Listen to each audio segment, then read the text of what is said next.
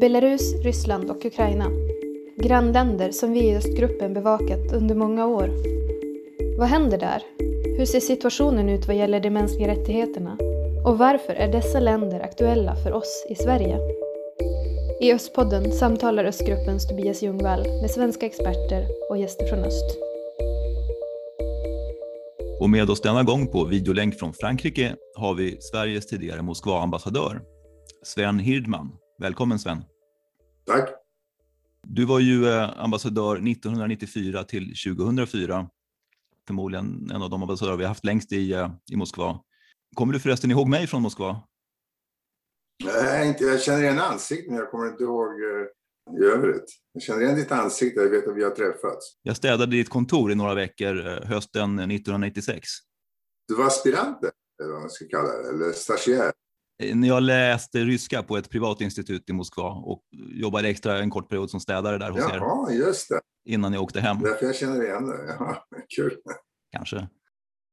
Jag umgicks lite grann med, med de här vaktmästarna som hade gått tolkskolan och jag kommer ihåg att en gång satt jag i bastun med din kock och han berättade, om jag minns rätt, att ni hade haft Anatoly Chubais på middag ja. helgen innan. Och, så, och det är lite grann så jag har kommit att uppfatta dig som en ambassadör som var där länge, som fick väldigt bra kontakter och jag har också förstått att du blev dojen eller dojen eller vad det kan tänkas heta. Den äldste ambassadören eh, som haft längst tjänsteår. Och poängen med det, då representerar man hela eh, diplomatkåren, 150 ambassadörer i alla möten. Och eh, när det då var vissa tillställningar uppe i Kreml och så vidare så bjöd de inte, snålade de, så bjöd de inte hela, alla 150 utan bjöd bara mig. Och då satt jag då vid bord tillsammans med vice premiärministrar och generaler och så där. Så det gav ju en väldig insyn och en väldig tillgång till att ta upp ärenden. Så det, var, det är faktiskt eh, det är bra för ett litet land. Ett litet land har ju svårt att slå igenom i stormarknaden, men genom den här ställningen så kunde jag göra det. Eh, och sen kom du hem eh, 2004. Då var jag personligen redan ganska engagerad på den tiden i en annan organisation än Östgruppen för demokratisering i, i östländerna. Du uppfattades då av oss och av många andra, tror jag, även av en del av dina gamla kollegor, som eh, lite kontroversiell när du kom hem.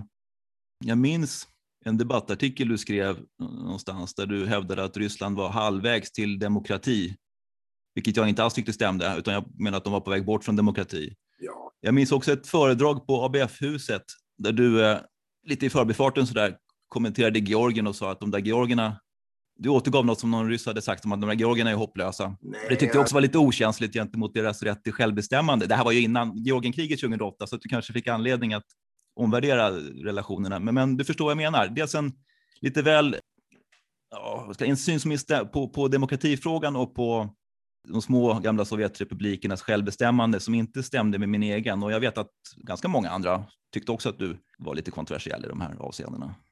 Men förklaringen ligger kanske att jag har ett lite längre tidsperspektiv. För att ta det här med Georgien, vad jag gjorde, jag sa ju där, eh, det tillfället på ABF var väl att jag citerade vad Disa Håstad, som är ganska kunnig Rysslandskännare, har skrivit i en bok. När, när Sovjetunionen föll samman och skrev bland annat om Georgien. Georgien att de var Sovjetunionens bortskämda barn, så att säga. Va? De skämdes bort av alla ryssarna, allting skulle vara gratis, det var så fint där och så vidare. Va? Och jag var ackrediterad i, Kina i Georgien i tio år och åkte dit lite då och då. De skiljer sig rätt mycket, de ville ha allting. De tyckte inte om sina grannländer. Eh, och de ville ha allting på ett silverfat. Va? Och det där med Ryssland halvdemokrati, ja, det beror igen på tidsperspektivet. De var ju ingen demokrati under Sovjettiden, Stalintiden och så vidare. Så de har ju rört sig framåt menar ju jag, som, som har, som har ett hund, flerhundraårigt perspektiv på Ryssland. Men de är inte framme vid målet än. Och sen har det gått lite hack. Du kan säga att höjdpunkten i rysk demokrati, det var väl ja, ungefär 2003, eh, för innan Tjetjenienkriget startade. Men trots alla ekonomiska problem och allt det där. Men slags...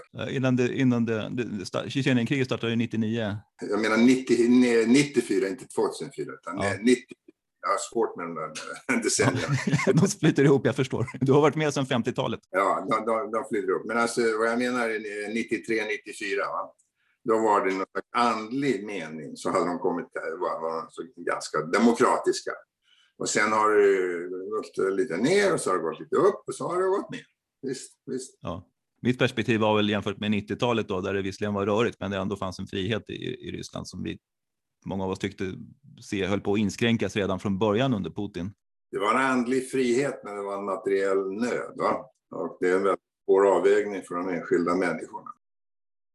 De unga progressiva i storstäderna tyckte det var ganska bra, men de fattiga ute på landsbygden tyckte det var ganska förfärligt under 90-talet. Men eh, nu har det ju gått ytterligare ganska många år, även ur ditt perspektiv kanske. Eh, och eh, du är fortfarande så där att du ligger lite grann utanför mittfåran när det gäller synen på Ryssland. Ja, utanför den svenska mittfåran. Alltså, Sverige är ju ett mycket speciellt land. Jag brukar chockera människor och säga att jag har tjänstgjort i massor med länder och jag har rest i ännu flera och jag tror jag kan rätt mycket om olika kulturer. Sverige är ett fantastiskt land, men det är ett av de mest annorlunda länder jag någonsin har varit i beträffande opinioner och debatter. Va? Så visst, jag ligger lite utanför den här vanliga mediaopinionen i Sverige rörande Ryssland. Men inte vad det gäller eh, ta Finland, Tyskland eller Italien och så vidare. Men svensk eh, Rysslands politik är väl numera ganska samordnad med EUs och de flesta i EU håller väl med om vår syn. Sverige ligger lite i så att säga, ytterkanten när det gäller EU tillsammans med balterna och polackerna. Vi tillhör numera eh, de hårda. Och den svenska opinionen är väl bland de mest antiryska bland alla EU-länderna. Och eh, där var vi inte tidigare. När vi hade det första EU-ordförandeskapet 2001 eh, var vi ju stora Rysslands eh, fantaster och Ryssland stod högt på dagordningen. Eh, vi hade mycket besöksutbyte och vi hade besök av Medvedev och Putin och så vidare. Vi hade ett oerhört intensivt utbyte med dem, även alltså under Putins första fyra år och under Medvedevs följande fyra år. Ann Linde brukar ju förklara den svenska Rysslandspolitiken som en tvåspårspolitik där man dels eh, kritiserar Ryssland när man anser det befogat, vilket numera är ganska ofta, och samtidigt försöker eh, samarbeta på de områden där man har gemensamma intressen. Det där är en politik som ju även EU eh, e tillämpar i viss mån. Ja. Inte bara Sverige. Sverige tillämpar lite hårdare. Jag tycker det är en dålig politik. Alltså jag menar ju det att när du ska föra politik eller diplomati eller utrikespolitik. Det enda väsentliga är att du åstadkommer ett resultat.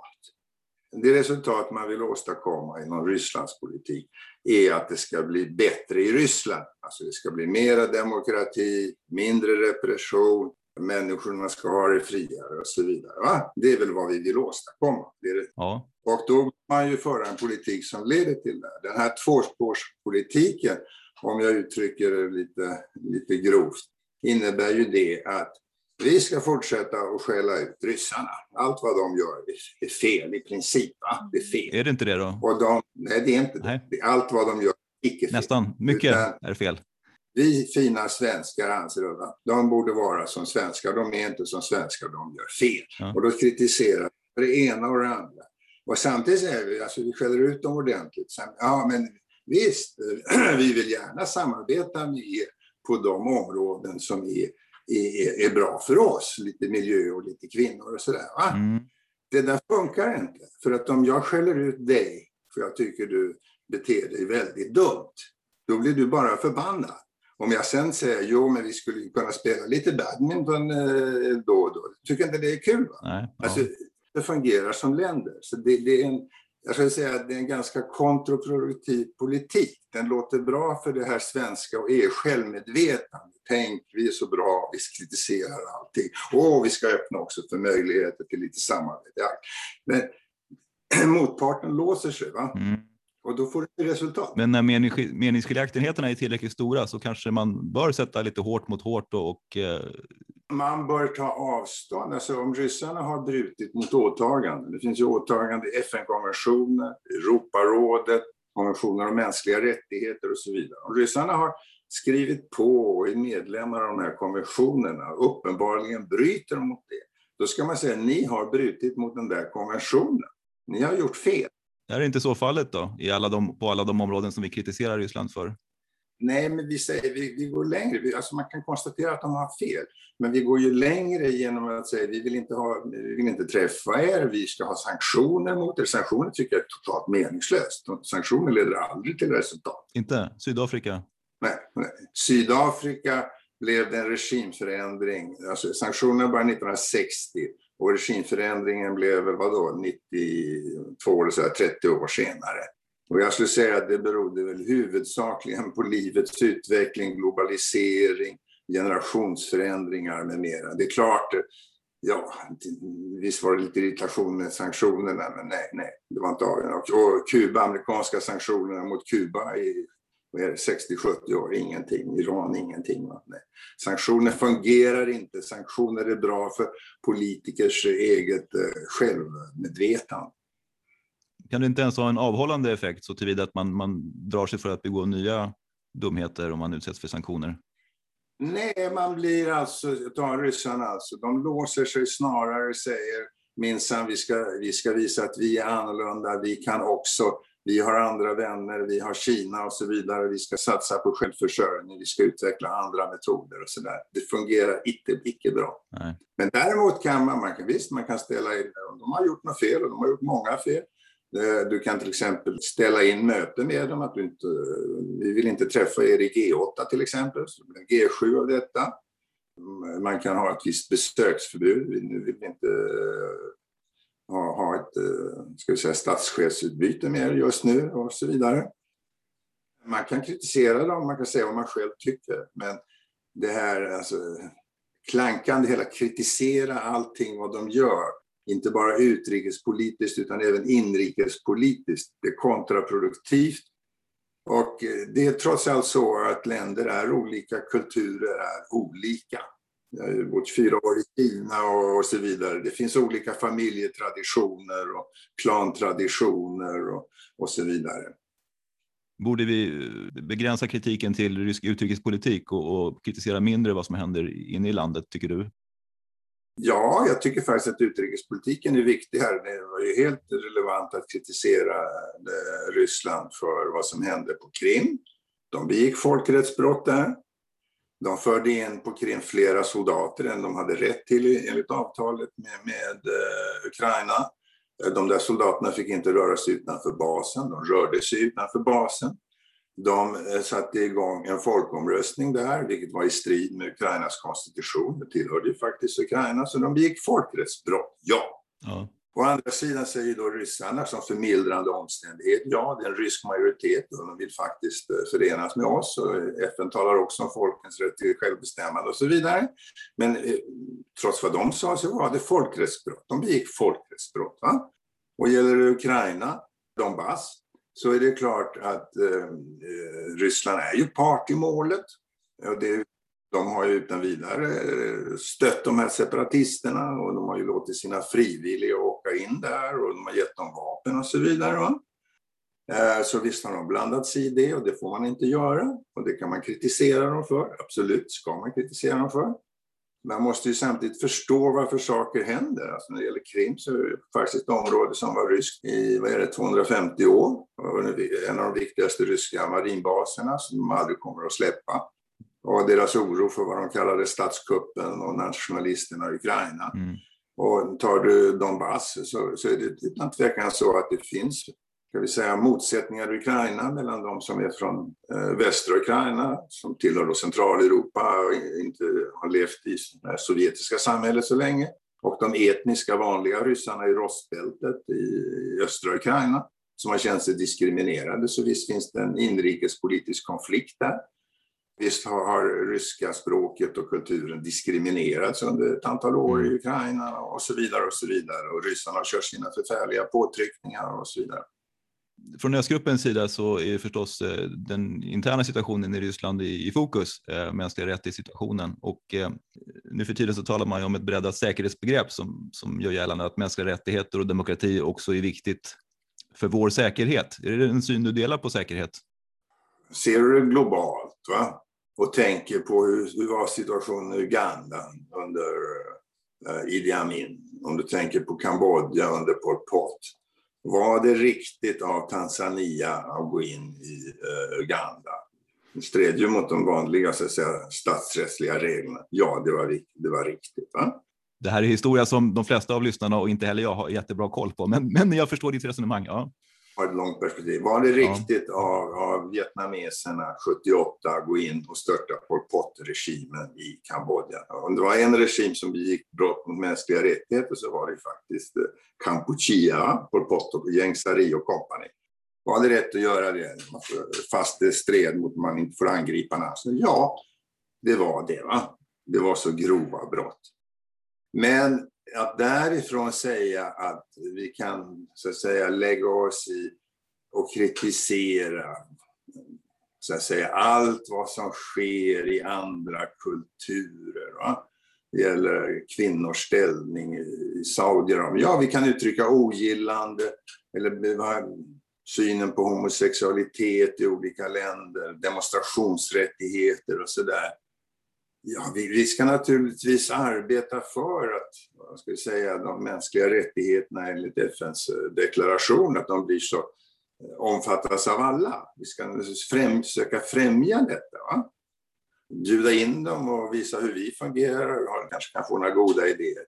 Men detta eviga kritiserande som sen leder alltså även till sanktioner, det tycker jag inte är en eh, särskilt bra politik, för den leder inte till så bra resultat du vill lägga tröskeln för sånt ganska högt, förstår jag. Ja, alltså hela tiden. Vi måste åstadkomma resultat.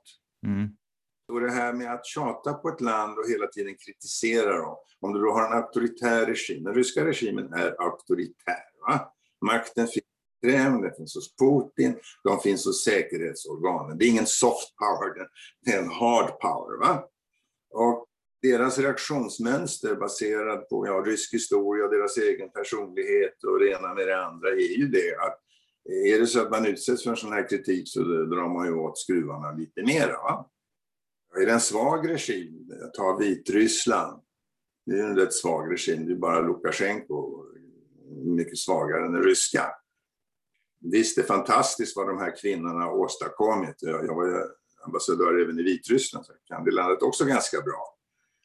Eh, och de har fått omfattande stöd. Där kanske kritiken från utlandet har haft lite större verkan än den har i Ryssland. En avhållande effekt? En avhållande effekt, ja. ja. ja. Därför att eh, Lukasjenko, han, är ju lite, han sitter ju lite på pottkanten här mellan Ryssland och Västeuropa. Va? Lite i kläm, ja. Han vill inte helt ramla ner i de ryska armarna, utan han vill ha en möjlighet till kontakter med Bryssel, Bryssel och Västeuropa. Så där finns det en känslighet hos honom, en svaghet hos honom, skulle ryssarna säga, som, som inte finns på den ryska sidan. Så där kan det vara motiverat med sanktioner och andra påtryckningar? Påtryckningar, engagemang, aktiviteter och så, ja. Du har ju eh, även på senare år skrivit debattartiklar om, mot svenskt NATO-medlemskap och mot ett närmare samarbete med NATO om jag förstått det rätt. Här är det också lite kontroversiell då, för att nu håller ju opinionen på att svänga till NATOs fördel, i riksdagen i alla fall. Den svenska opinionen ger jag inte mycket för. Men ta, ta sakfrågan. Det väsentliga för Sverige är ju att vi ska behålla vår fred och säkerhet och inte hamna i krig. Va? Det kan väl alla vara, hålla med om? Va? Att det är bra saker, ja. Ja, men det är det som är målet. Målet är väl att, att vi ska leva i fred, det ska inte bli krig och vi ska försöka, eh, det är bra för oss om det inte heller våra grannländer dras in i krig. Det är bra om inte Finland och Norge och balter och så vidare hamnar i krig. Om vi då blir medlemmar av NATO så innebär det att om det av någon anledning, som vi idag inte kan säga, men om det av någon anledning skulle bli ett nytt storkrig i Europa, mellan då öst och väst, alltså mellan Ryssland å ena sidan, NATO och USA å den andra sidan. Då, om vi är medlemmar av NATO, då blir vi med en gång indragna i detta krig. Och, och det, blir vi indragna i detta krig så är det nog rätt eh, snart slut med den svenska självständigheten. Vi ligger så nära fronten. Och där har det förändrats sedan det kalla kriget för eh, 30 år sedan. För då gick ska vi säga, fronten mellan Sovjetunionen och USA och NATO den gick ner i Tyskland, Frankfurt, Fuldagapet. Nu går den där frontlinjen jag var egentligen på tre ställen, alltså dels i södra Östersjön, Polen och Baltikum och Kaliningrad. Dels uppe i Nordnorge, Nordkalotten. Och dels nere i södra Ukraina, Svarta havet. Vi har tre stycken sådana här kritiska mm. punkter. Men för Sveriges del, på grund av södra Östersjön, Nordkalotten, betyder att vi ligger mitt i smeten. Och är vi då med i NATO så ökar risken att vi blir indragna, för då ser ryssarna oss som en del i ska vi säga, NATOs anfallsapparat, att amerikanerna kommer att stationera sina förband i Sverige. Och då kommer ryssarna snabbt försöka slå ut dem och Ryssland ligger ganska nära Sverige. Och då menar jag att det är ingen bra eh, politik för oss, utan huvudproblemet för oss det är inte att ryssarna skulle plötsligt sätta igång ett anfall mot Sverige eller Baltikum eller Finland. Det finns ingen som helst intresse eller meningsfullhet för ryssarna att göra det. Inte Baltikum heller? Nej, nej, varför skulle de göra det? Då skulle de ju få hela det amerikanska försvaret på sig som är tio gånger starkare. Mm. De kommer inte att göra det. Utan däremot om, om de tror att det blir ett att av någon anledning, missförstånd och incidenter, att det blir ett riktigt storkrig, då kommer de att slå till tidigt. För en rysk erfarenhet, historisk, är att under de senaste tusen åren så har det allt för ofta varit krig på rysk mark. Mongolerna slogs där, svenskar, litauer, polacker var där på 1500-1600-talet, Napoleon på 1800-talet, nazisterna på 1900-talet. Och det finns då en beslutsamhet på rysk sida, även hos vanligt folk. Vi vill inte ha krig. Men blir det ett krig så ska den inte vara på rysk mark, utan man kommer alltså agera tidigt. Och jag menar alltså att det är den höga spänningsnivån nu mellan, som vi ser dagligen här med, med militära amerikanska övningar, militära ryska övningar, NATO-övningar, svenska övningar här i Östersjöområdet. Och det leder till mer och mer spänning och mer och mer misstänksamhet. Och därför borde vi i första hand försöka medverka till att minska risken för ett sådant storkrig, för risken för incidenter, se till att de drar sig tillbaka lite, va? inte har så mycket kärnvapen på sina vapensystem, håller avstånd med sina flygplan och örlogsfartyg. Det finns åtgärder här som man hade under ESK med förtroendeskapande åtgärder och inbjudan till eh, observatörer och så vidare. Det bör vara fokus. Det är det som är faran för oss är storkrig i Europa. Och då bör vi tillsammans med Finland och Österrike och Frankrike och Italien och andra länder försöka medverka till att minska denna krigsrisk.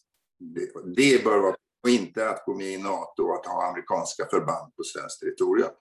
De som inte håller med dig skulle förmodligen invända att det är rysk eh, upp, upprustning och ryskt imperiekomplex som driver spänningen och att ett svenskt NATO-medlemskap skulle höja tröskeln för rysk eh, aggression det är ju inte Ryssland som har flyttat fram sina militära positioner här i Östersjöområdet. Va? Det är amerikanerna. Under kalla kriget var det inga amerikanska hangarfartyg och örlogsfartyg här i Nordeuropa. Nu är de här.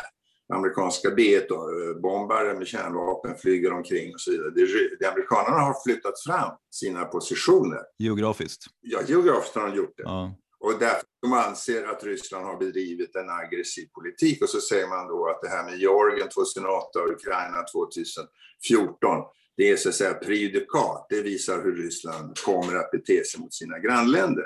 Och det säger jag att det är ett felslut. För jag säger att det här med Georgien och Ukraina, eh, orsakerna till de konflikterna, de ligger i Sovjetunionens konstruktion. Att Sovjetunionen var konstruerad på det sättet. Det var ett imperium där ryssarna dominerade de andra och de ville frigöra sig. Det har varit en lång och svår process. Och då var alla väldigt glada 91 att det inte blev ett storkrig med en gång, men det där låg och verkte hela tiden. Och det har verkt ut 2008 med Georgien och det har verkt ut 2014 med, med uh, Ukraina. Så orsakerna är där, inte att, att, att ryssarna eh, som, som eh, amerikaner och spanjorer och britter och, och fransmän en gång i tiden och som ryssarna själva på, på 16, 17, 1800-talet hela tiden försökte erövra nya territorier. Utan det, det här är fortfarande en del av Sovjetunionens upplösning. Vladimir Putin, du träffade honom några gånger i alla fall medan du var ambassadör. Vad är din bild av honom? Han är ju en, ja, han är en produkt av sin miljö. Han är en produkt av att han var en gatpojke som slogs i Leningrad. Han är en produkt av eh, sin eh, KGB-karriär och så vidare. Han är en person med stor självkontroll. Man talar med honom. Va? Han är eh, oerhört intresserad av fakta under Tjetjenienkriget. Jag talade med honom några gånger då. han verkar ju kunna namn på varenda tjetjensk gerillaledare.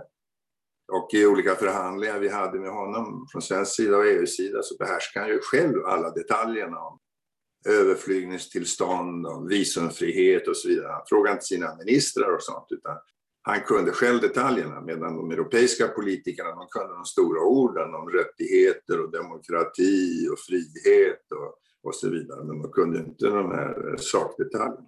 Så han är lite faktaidiot så att säga. Han är rationell, han, han är inte introvert men ändå. Han har mycket, mycket självkontroll. Mm. Och sen är det naturligtvis så, jag, menar, jag träffade honom ju då flera gånger innan han blev president. när han varit och ledare i 20 år för, för uh, Ryssland. Och det leder ju naturligtvis, vilken politiker som helst leder ju till att man tycker att man är oumbärlig. Han kan, han kan ju alla frågorna, han vet ju bäst. Och det är ju inte bra. Det är inte bra. För det leder ju då till att systemet anpassar sig till det. Du får ett system av anpassningar som hela tiden försöker agera i vad de tror är ledarens eh, intentioner. Va? Det tycker jag vi ser rätt många exempel på, säkerhetstjänster och andra. Va? Man tror att Putin vill ha det så, så gör man, gör man det. Va? Så att eh, någon har uttryckt det ganska bra nu, en rysk en politolog som det heter, statsvetaren som heter Gleb Pavlovski, han har uttryckt som så att Putin är som en alpinist som har klättrat upp på den högsta toppen och inte riktigt vet hur han ska ta sig ner. Så att säga. Nu sitter han där. Och hans eh, stora problemet just nu för Putin är ju det att, eh, jag menar även han blir ju äldre. Va? Han är ju nu... 68. Ja, han fyller 70 nästa år. Så. I oktober. Ja, just det. Och nästa år blir han då 70 och sen är det där presidentvalet 24 eh, när han är 72. Mm. Så han, han, vet ju att han inte är odödlig. Och jag skulle säga att hans främsta mål nu är A. Att han inte vill, eh, få, vill och får anses som en lame duck under de här åren. Det händer ju ofta med amerikanska presidenter. Alla, alla tänker på vem blir efterträdaren. Och han agerar som det, det, finns ingen efterträdare, det ska inte finnas någon efterträdare. Nu är det jag som styr så att säga.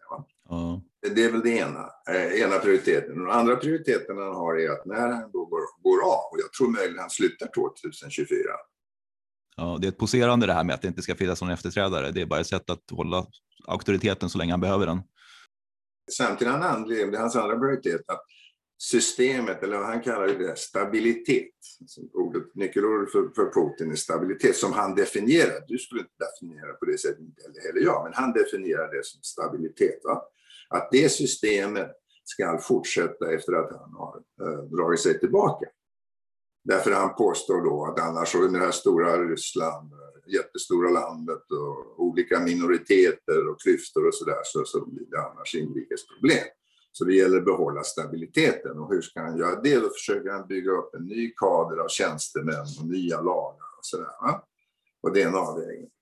Och om man då eh, tror att han lyckas med det, alltså se till att han inte blir en lame duck och att han har lagt grunden för ett slags stabilitetssystem som rimligen måste innebära att det blir inte en person som efterträder Putin som president, utan det blir ett kollektiv. Och tittar du igen på rysk historia så finner du att när när Lenin slutade så blev det ett kollektiv ett antal år. När Stalin sen försvann blev det ett kollektiv. När Khrushchev sparkades blev det ett kollektiv och så vidare. Så det, det, går i omgångar. Så jag skulle tro att det blir någon slags kollektiv och sen är det möjligt att sen efter ett antal år så men det tror jag inte. Jag tror att tiden med globalisering och teknologi och internet och det, jag tror att tiden är ute för enmansstyre, att, att Putin är den sista i sitt slag, men det är bara en gissning vi kanske kan hoppas.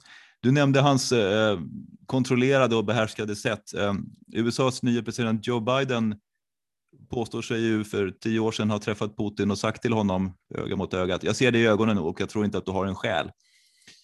Eh, kan Putin vara, tycker du att Putin är så kallhamrad att det är ett problem för, eh, för Ryssland? Behöver en ledare ha lite mer empati än vad Putin kanske är förmögen till? Ja, alltså Gorbatjov hade väl mer empati. Alltså jag träffade honom eh, många, många gånger. Nästan som en god vän. Och han hade ju naturligtvis, utstrålade ju mera empati och sådär. Personligen, även om han, eh, även han var ju politisk karriärist och så vidare och gjorde sig av med, med rivaler och sånt. Men visst, hade han mera empati. Även Jeltsin var väl en ganska varm person, eller? Ja, men han var också en mycket nyckfull person. Ja. Hänsynslös person. Han kunde ju slänga medarbetare i Volga när han var ute och kryssade och blev förbannade på dem. Eh, när han var drucken. Eh, men eh, vad heter det, Putin, alltså Putin engagerar, han ju, bryr sig om hur vanligt folk har det i Ryssland, pensionärer i synnerhet. Men det kan du säga, det är ju taktiskt också. Det är den större, viktigaste väljargruppen, så han är ju mycket medveten om att, att eh, han måste ha ett ekonomiskt system som gynnar ska vi säga, den enkla människan, de fattiga pensionärerna och så vidare. Och då kan du säga, det är empati eller bara en taktisk beräkning, men, men ändå, han, han är i alla fall eh, engagerad i, i, de fråg, i, i den frågan. Sen är det som utmärker Putin annars är det att han är, som mina ryska vänner säger, han är en hands-on person. Alltså när det uppstår ett problem, det finns många exempel, till exempel med den här oligarken Deripaska och hans olika fabriker och han ville lägga ner den. Då, åker Putin där, dit och så tar, tar han hand om förhandlingarna och så säger han till Deripaska, skriv på nu här. Alltså. Det är sånt som han gör, hands-on. Ja. Det blir ju då att han, han agerar ju då, ska vi säga, spontant eller i ögonblicket hela tiden. Så på så sätt är han en bra taktiker, men han har ju också en, en vision, han har också en föreställning om det Ryssland han vill se. Ett Ryssland som han anser förnedrades under 90-talet, som diskrimineras av västmakterna. Eh, trots att Putin anser med rätta att Ryssland är ett europeiskt land och så vidare. Och han vill att det ska bli ett stort och starkt och, och bra Ryssland, men så att säga ett, ett Ryssland styrt uppifrån. Han är top-down politiker, inte, inte bottom-up precis. Du konstaterade i någon artikel tror jag att Putin är den första ledaren sedan Lenin som talar västeuropeiska språk. Han pratar tyska och förstår engelska hyfsat. Han talar flytande tyska och bra engelska. Han har suttit på kvällarna och eh, jag talade med hans hustru eh, då. Ludmilla? Ja, Ludmilla för ett antal år sedan. Hon sa att när han kom hem från arbetet vid elva tiden så hade han igång och pluggade engelska. Och det är 20 år sedan, så hans engelska är ganska bra nu. Han sjöng den här Blueberry Hill för tio år sedan på... ja, men han kan nog läsa och sådär. Men han, han klarar det. Och det är bra. Ja. Det är bra. Så Jeltsin kunde ju inga språk och Gorbatjov inte heller. Nej. Nyligen har det varit mycket prat om Putins palats i Svarta havet och många har ju beskrivit eh, Ryssland som en kleptokrati. En statsvetare, Gelman, som jag pratade med för ett par veckor sedan, han använder ordet neopatrimonialism som jag tror egentligen betyder samma sak. Hur ser du på det? Nej, men det är klart att det förekommer mycket korruption i Ryssland och har förekommit länge. Och det finns ju då olika typer av eh, korruption. Det ena man brukar kalla petty corruption. Va? Alltså i ett samhälle som fungerar dåligt, mycket byråkrati, dåliga lagar, så måste den vanliga människan för att det huset fungera, måste gå kring det här. Alltså för att få din bil godkänd i bilprovningen så måste du ge en, en flaska vodka eller 10 dollar till någon, annars funkar det inte. Du måste ha din bil. Eh, och om du måste, eh, ska in på ett sjukhus verkligen eh, komma in på en bra avdelning och läkarna är dåligt betalda, ja då, då för ditt barns skull så ger de en hacka. Så är det ju i Ryssland, så är det i Ukraina, så är det i Kina, så ja, i, hela, i hela östvärlden och många u-länder. Det är ett smörjmedel. Och det finns, och det finns fortfarande.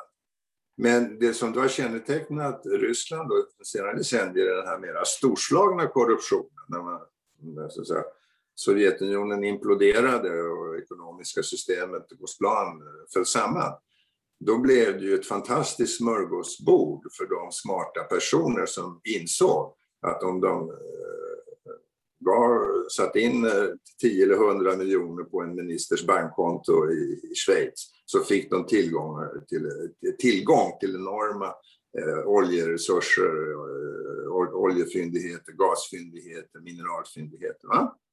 Och det, där, det var nästan naturligt och klart att det skulle bli så under 90-talet. Men det som då möjligen har förvånat mig i början var ju varför, varför fortsatte detta system? Med Putin och hans kompisar som gör likadant. Ja, för nu i Ryssland, nu de stora naturtillgångarna, de är ju fördelade och på sitt sätt fungerar landet ganska bra. Varför, varför fortsätter det här? Då kommer det in på det här med den mänskliga girigheten. Och den mm. tycks ju vara obegränsad. Att den som har mycket vill ha mer. Va? Och det Borde inte Putin försöka begränsa det här? Han... Det tycker jag man, han, han, han, borde göra. Jag talade en gång med bättre oligarker än de hedliga oligarkerna. Frågade honom just om, om eh, Putins förhållande till pengar. För det finns ju alla de här skrönorna om att Putin är världens rikaste man och det ena med det andra. Ja. Och han sa, nej det är ju inte så. Men pengar för Putin, sa han, det har den betydelsen att med hjälp av pengar, eller att styra penningflödet, så kan han styra sina medarbetare. Va? Han styr styrmedel. Ja. Han ser till att nu, nu får du de här förmånerna, då vet jag att du agerar på det sättet att du är lojal mot mig. Va? Men han är mm. inte en person som samlar guldtackor i, i källaren som Joakim Anka. Så det är ett styrmedel som han behöver för att annars så är det bara skrämsel som, som uh, funkar kanske? Palatset då, det här konstiga palatset där nere. Alltså jag tvivlar ju på att Putin har sagt ja, eh, bygg nu det här jättestället till mig så ska jag ha det. Utan det är väl snarare här att de där säkerhetskillarna som redan, eh, de hade ju redan eh, avlyst det här området, det tillhörde ju på något sätt eh, säkerhetstjänsterna av en egendomlig anledning. Att de har då byggt det här och de här olika familjekompisarna, Rotenberg och kompani, de har då gjort det här för att tro att det gläder Putin, att de själva ska ha glädje av det och så vidare. Det är svårt att föreställa sig vad Putin ska med två diskotek till. Nej, nej, jag tror inte, som han har själv sagt, han har inte varit där, han har inget intresse av det. Den ryske presidenten har ju fem, sex olika dachor i riktiga palats i hela landet. Det finns ju då utanför Moskva, det finns i Tver, det finns i Svarta havet, det finns borta i Altaj. Han kan ju leva hur bra som helst. Och även när han har avgått så har han då rätt att eh, utnyttja åtminstone någon dacha. Och det, det som då störde det hela var när Jeltsin uh, avsatte Gorbatjov så tog han från uh, Gorbatjov den dacha som han hade rätt till. Men det var bara personlig hämndlystnad som Jeltsin hade mot Gorbatjov. Mm. Jag kan inte tänka mig att någon skulle behandla, ja det vet jag inte, men att någon skulle behandla Putin på det sättet. Men eh, så jag tror alltså, Navalny, för att komma till honom, han är ju en, en enastående personlighet, alltså enastående personligt mod. Navalny som har avslöjat det här palatset då, och nu sitter i fängelse och han blev nästan giftmördad i höstas. Ja. Alltså han kom ju fram efter jag har lämnat Ryssland, så jag har inte träffat honom. Jag har ju följt hans gräv. Enastående mod, självständighet. Sen är han ju rysk nationalist och så vidare. Jag vill ha, ha ett Ryssland för ryssar och så vidare. Men just det här enastående personliga modet. Och eh, det förfärliga i Navalny-historien är ju i första hand det här giftmordet. Ja, försöket. Ja, försöket försöket till giftmord. Och jag, jag vet ju inte alla detaljerna, men det förefaller ju uppenbart som det var den ryska säkerhetstjänsterna ja. som ville, ville komma åt honom och ta livet av honom. Även om Putin säger ja, om de hade velat det så skulle de ha lyckats, men de är ju så klantiga ofta. Nej, men det är rätt förfärligt. Va? Det är rätt förfärligt. Det verkar ju inte heller vara ett unikt fall, utan det är, sannolikt är det fler människor som har giftmördats, politiker och andra. Ja, det finns bland annat Kashamursa och som överlevde, ja. Jusjenkov och så vidare. Det finns flera ja. stycken för det här. Så det är en otrevlig taktik som eh, de har ärvt från Sovjetunionen. Och många i de i säkerhetstjänsten de är ju fortfarande sovjetiska och så vidare. Hur är det med de här husbombningarna som ägde rum 1999, eh, där 300 människor ungefär dog? Jag var ju där då och jag kan fortfarande inte föreställa mig och tro att någon ska säga, rysk politiker eller hög rysk jag ska säga, chef för FSB eller så vidare skulle ha gjort detta, alltså medvetet har tagit livet av var 300 eller 400 helt oskyldiga personer bara för att få igång ett nytt krig mot Tjetjenien. Jag, jag, kan inte få in det i mitt sinne, va? jag tror inte det. Utan min huvudhypotes är att det trots allt var tjetjenska så kallade terrorister, alltså kring Basajev, saudiska medarbetare, att de låg bakom detta. Och det hade ju hettat upp rätt ordentligt då, 99. Va? På sommaren där med Ingo, de tog in i Dagestan. Dagestan i synnerhet och så vidare. Och, och eh, Stepashin som då var regeringschef hade försökt lösa det. Han misslyckades med det, avsattes och så kom Putin och så vidare. Så att det, det, det var ju en uppladdning till detta krig. Och ehm, jag hade då samtal med många om detta, inklusive med Moskvas eh, mäktige borgmästare Lushkov. Och han hade samma uppfattning som jag, ja, vi, vi måste göra någonting åt det här. Men vi bör inte gå in i det riktiga Tjetjenien, utan låt oss gå till Terekfloden och stanna där, så att säga, och isolera Tjetjenien. Men den ryska krigsmakten, som ju faktiskt hade lidit ett nederlag i det första Tjetjenienkriget, 94 till 96, ja. Ja, de ville ju ha hämnd, så att säga. De ville ha hämnd för att de hade tvingats sluta freden då på hösten 60, 96. Eh, va?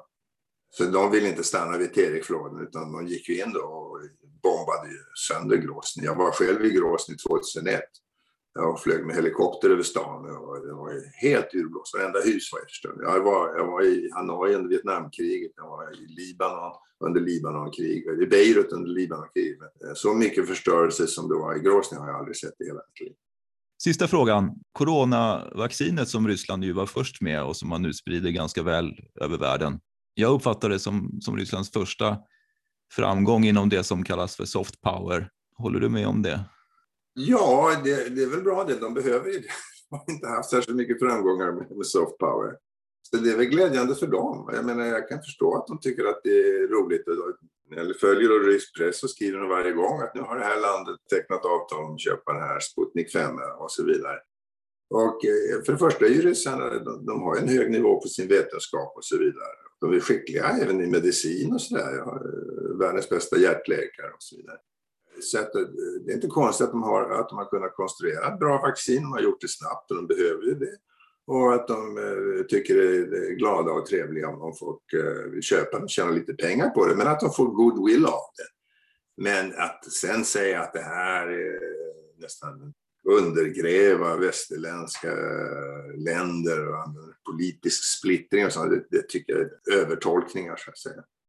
Tror du att det här kan bli startpunkten för en mer konstruktiv relation med omvärlden från Rysslands sida?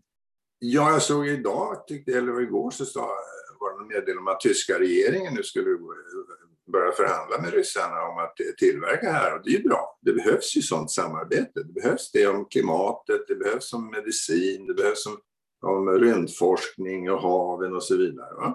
Mm. Det som jag tycker är tragiskt när det gäller relationerna mellan Ryssland och ja, Sverige, EU överhuvudtaget, det är ju det att man hade kommit ganska långt då på 90-talet och första halvan av 2000-talet i förhandlingar om man kallar de fyra friheterna. Va?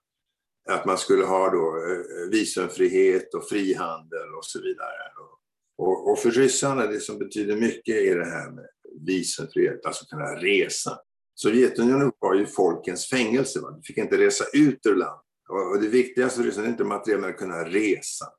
Och har, fortfarande har ryssar inte fått eh, visumfrihet. De ska betala massa pengar. Ukraina har fått det, Georgien har det, Moldavien har det, eh, de andra småländerna har det, men ryssarna har inte fått det det är så faktiskt att vanliga ryssar känner sig diskriminerade. De känner sig diskriminerade, inte så mycket av det här stormaktsbråket, men att, att de inte får resa fritt, att alla skriver illa om dem och sådär. Och, och då blir det de här vi och de föreställningarna och konspirationsteorierna. Så att jag menar ju att om vi vill se en förbättring eh, från Ryssland så måste vi umgås med dem, måste ha visumfrihet och frihandel, studentutbyte och så vidare. Och sen är det då naturligtvis vissa i toppen, eh, generaler i säkerhetstjänsten och andra oförbättrade och vissa politiker oförbätterliga personer. De får väl sitta där tills de eh, går av pinn så att säga. Men, vi ska satsa på kontakterna med folk. Sven Hirdman, tack för att du var med i Östpodden. Tack ska du ha. Tack Tobias. Tack för att du har lyssnat på Östpodden. Om du vill veta mer om mänskliga rättigheter i Östeuropa Besök gärna Östgruppens hemsida och följ oss på sociala medier.